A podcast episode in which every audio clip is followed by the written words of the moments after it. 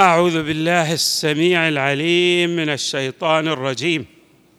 بسم الله الرحمن الرحيم والحمد لله رب العالمين. والصلاة والسلام على أشرف الخلق سيدنا ونبينا محمد وآله أجمعين الطيبين الطاهرين.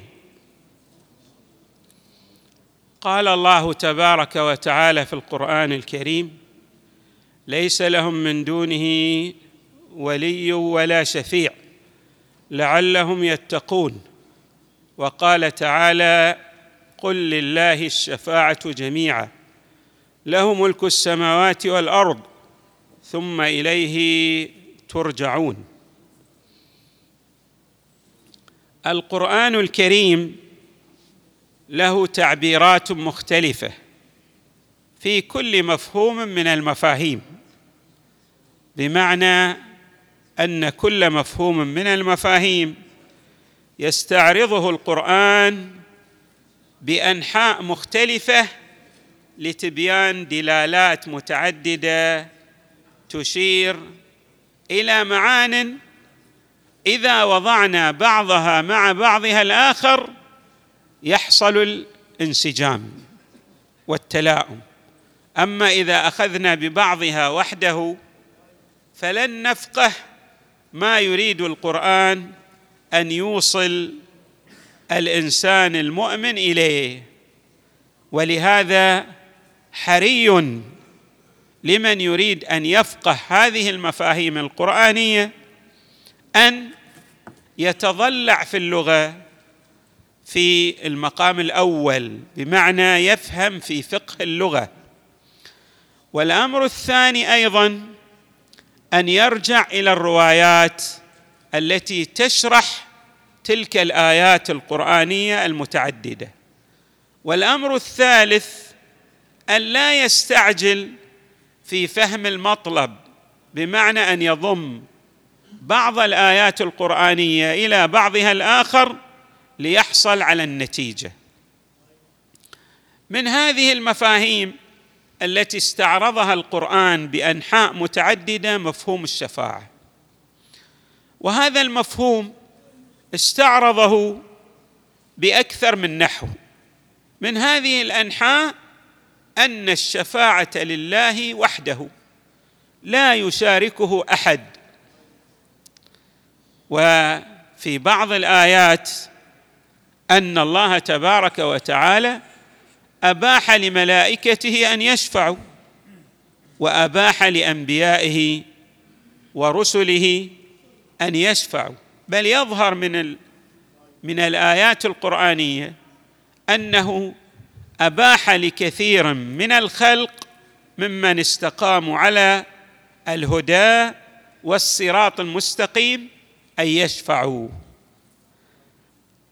عندما نستعرض هذه الآيات كما أشرنا بادئ ذي بدء قد يجد من لم يفقه في اللغة أو لم يفهم معاني الآيات القرآنية من خلال ما جاء في الروايات عن النبي صلى الله عليه وآله. والأئمة من أهل البيت عليهم السلام قد يجد تضادا وتعارضا بين الآيات. ولكن عندما يتأمل يجد الانسجام التام والتلاؤم الكامل. قبل أن نستعرض الآيات حري بنا أن نفهم معنى الشفاعة. الشفاعه في مفهومها اللغوي وكذلك في مفهومها الاصطلاحي.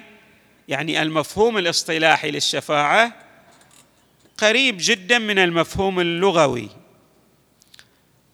الشفاعة هي عند الناس كمفهوم التوسط بين إنسان وإنسان آخر. هذه هي الشفاعة. ولذلك يقول بعض هي أن يتوسط مخلوق. أيضا إذا أردنا أن نجري هذه الشفاعة على الله تبارك وتعالى نعتبر توسط مخلوق بين الله وبين مخلوق آخر. اولا هذه المفردة نحتاج أن نلتفت إليها. هل أن الله بحاجة أن يوسط بعض خلقه إليه وهو الغني المطلق؟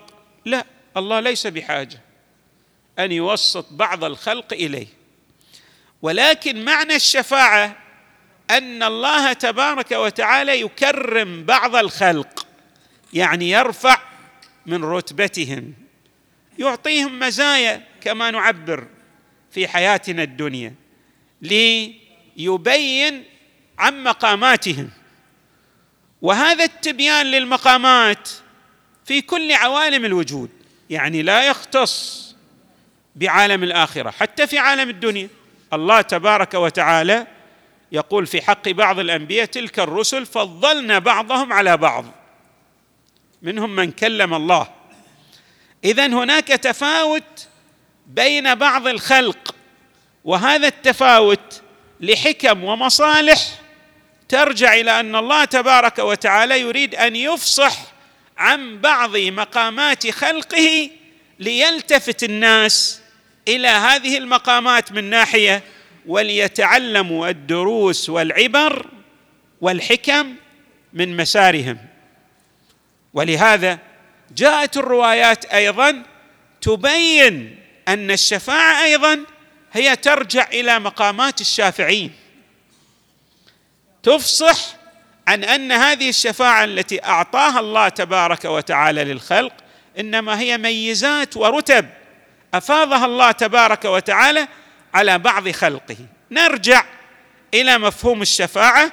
يقول ابن منظور شفع أو شفع الوتر من العدد شفعا صيره زوجا. بمعنى الشفيع ما هو؟ أن نضم إلى الواحد غيره. إذا ضممنا إليه غيره تقوى. هذا المعنى اللغوي.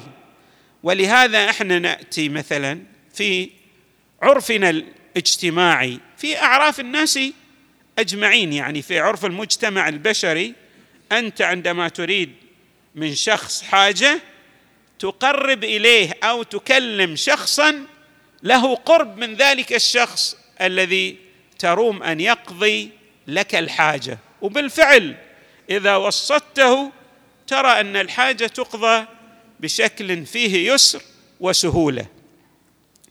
بعض العلماء أيضا يعرف الشفاعة بأنها الوسيلة والطلب وهو تعريف أيضا مقبول.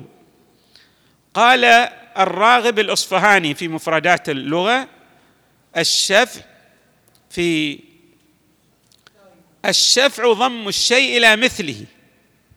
وقال والشفعه هي طلب مبيع في شركته بما بيع به ليضمه إلى ملكه وهو من الشفع يعني إذا أنا مع شريك في أرض وهذا أراد أن يبيع الحصة التي يشترك وإياي فيها لي أنا الشريك حق الشفعة كما تعلمون. يعني لو باع أنا أستطيع أن أوقف هذا البيع وأشتري ممن باعه أو أدفع الثمن إليه ليدفعه إلى ذلك المشتري. هكذا أيضا يقول علماء اللغة بأجمعهم بأن الشفاعة هي أما بمعنى الواسطة أو بمعنى الطلب. من هنا أيضا عبر صاحب الميزان قدس الله نفسه الزكية في ميزانه ذلك التفسير القيم بأن الشفاعة هي من الشفع مقابل الوتر أو الوتر كلاهما صحيح. كأن الشفيع ينضم إلى الوسيلة الناقصة. التي مع المستشفع فيصير ذلك به زوجا بعدما كان فردا فيقوى على نيل ما يريده لو لم يكن يناله. وحده لنقص في وسيلته وضعف وقصور فيها. كل هذه التعريفات من قبل علماء اللغة وكذلك من قبل المفسرين تفصح عن أن الشفاعة هي يعني ضم شيء إلى شيء آخر ليتقوى به لنيل مراده.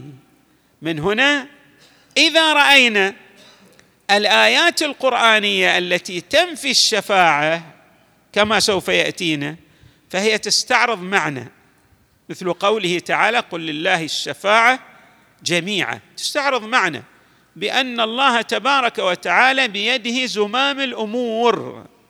لا أحد يستطيع أن يتصرف في مفردات الكون وفي جزئياته إلا بإذنه. وهذا ما جاء في قوله تعالى من ذا الذي يشفع عنده إلا بإذنه. الشفاعة لا بد أن تكون بإذن من من الله تبارك وتعالى وسنستعرض في آه، تتمة البحث إن شاء الله.